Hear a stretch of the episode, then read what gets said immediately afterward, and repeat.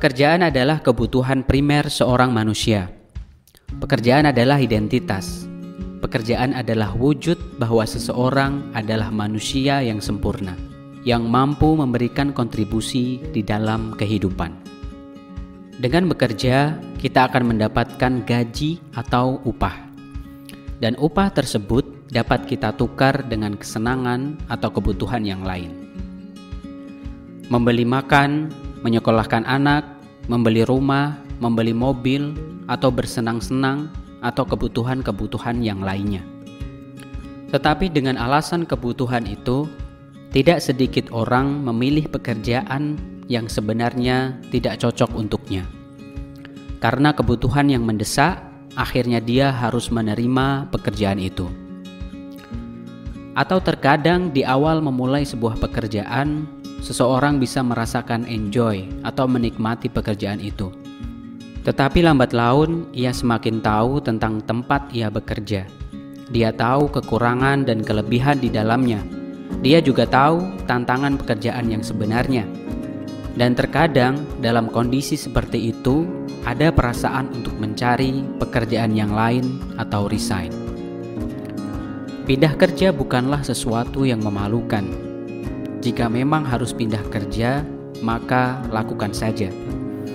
Tetapi kita harus pastikan alasan kita keluar dari pekerjaan kita adalah alasan yang logis, bukan hanya sekedar perasaan sesaat.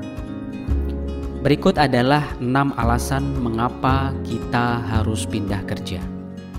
Yang pertama adalah ketika tidak ada promosi.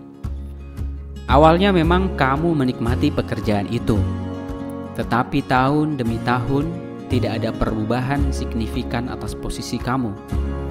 Misalnya dari dulu menjadi kasir terus, tidak ada pelatihan lanjutan, tidak ada promosi, dan lain sebagainya.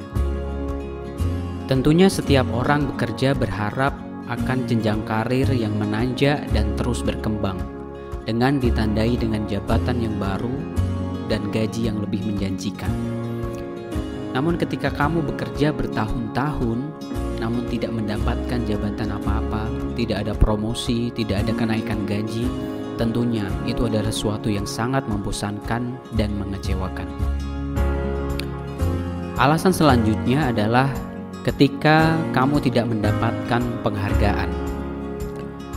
Kamu bekerja keras setiap hari, menyelesaikan target-target dari pimpinan atau bos kamu. Kamu kerjakan dengan rapi, tepat waktu, dan disiplin. Tetapi kamu sama sekali tidak mendapatkan penghargaan. Itu tandanya ada yang salah dengan manajerial perusahaan kamu. Seseorang pimpinan yang baik pasti akan memberikan penghargaan kepada karyawannya yang berprestasi, bukan? Dan kamu pantas mendapatkan pimpinan yang lebih baik dari dia. Kemudian yang ketiga adalah ketika kita tidak berkembang.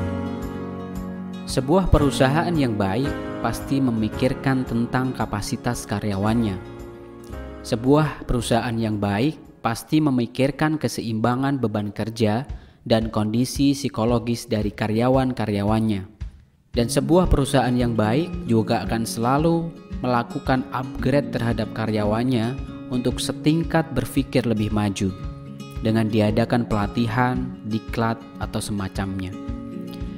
Jika kamu merasakan bahwa tidak ada mendapatkan ilmu yang baru, maka mungkin saatnya kamu mencari pekerjaan yang lebih baik. Kemudian, yang keempat adalah terlalu banyak beban kerja. Tidak sedikit perusahaan yang memperkerjakan karyawannya secara tidak manusiawi memberikan beban kerja secara berlebihan dengan gaji yang tidak sesuai. Dan tentu, kamu tidak menginginkan hal yang seperti itu, bukan? Kemudian, yang kelima adalah ketika kamu merasakan kehidupan kamu tidak seimbang. Kita hidup bukan hanya untuk bekerja saja, kita punya keluarga, kita punya anak, punya istri, atau orang-orang yang kita cintai. Jangan sampai kita korbankan mereka hanya untuk mengejar tuntutan pekerjaan yang sedang kita jalani. Karena hidup kita bukan hanya mempunyai sisi material saja, kita juga mempunyai kehidupan dengan sisi yang lain, sisi sosial, sisi keagamaan, keluarga, dan lain sebagainya. Kemudian, alasan yang keenam adalah ketika kamu berpikir inilah saatnya untuk resign dari pekerjaan kamu yang sekarang. Ketika hatimu berbicara bahwa inilah saatnya kamu resign dari pekerjaan ada kalanya kamu berpikir bahwa kamu ingin menggapai sesuatu yang lebih besar, atau mimpi atau keinginan kamu yang belum tercapai. Tetapi hal itu tidak mungkin tercapai dengan pekerjaanmu yang sekarang.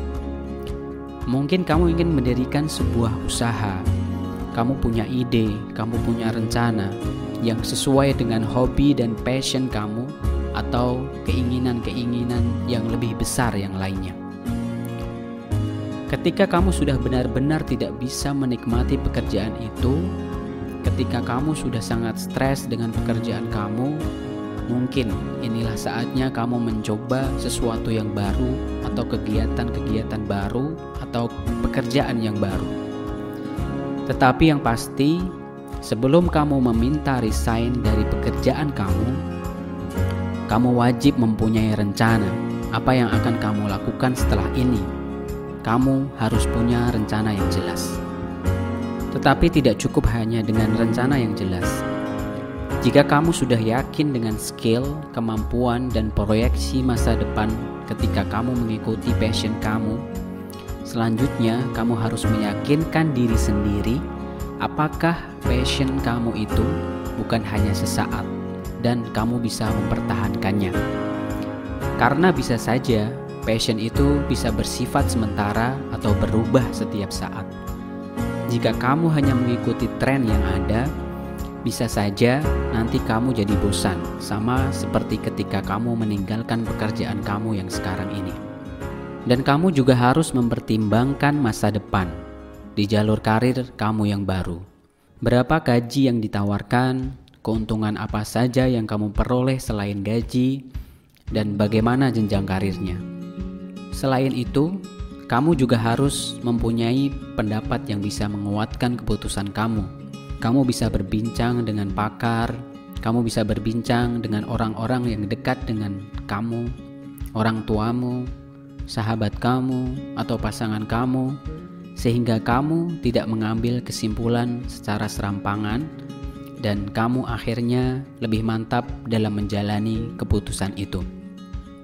Itulah beberapa alasan yang dapat memperkuat keputusan kamu untuk resign dari pekerjaan kamu yang sekarang dan untuk mendapatkan pekerjaan yang lebih baik di tahun depan.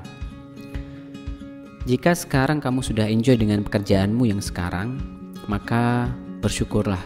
Syukuri yang telah kamu dapatkan selama ini. Selama ini, Tuhan telah memberikan pekerjaan yang terbaik buat kamu. Kamu menikmatinya, dan kamu bisa mensyukurinya. Mungkin kamu bisa menghitung pendapatan kamu selama satu tahun ini, dan sebagai wujud rasa syukurmu kepada Tuhan, kamu bisa menyisihkan sebagian pendapatan kamu itu untuk berbagi dengan sesama. Kamu bisa salurkan bantuanmu kepada orang-orang yang tidak seberuntung kamu. Atau kamu juga bisa memberikan hadiah-hadiah kecil kepada orang-orang yang telah berjasa dalam karir kamu, kepada orang tua kamu, kepada rekan kerja kamu, kepada pasangan kamu. Dan semoga akhir tahun ini adalah akhir tahun yang penuh dengan inspirasi. Kita awali tahun depan dengan rencana yang baik untuk mendapatkan kehidupan yang baik. Tetap sehat, tetap semangat, jika kamu suka dengan channel ini, like dan subscribe untuk mendapatkan video inspiratif yang lainnya.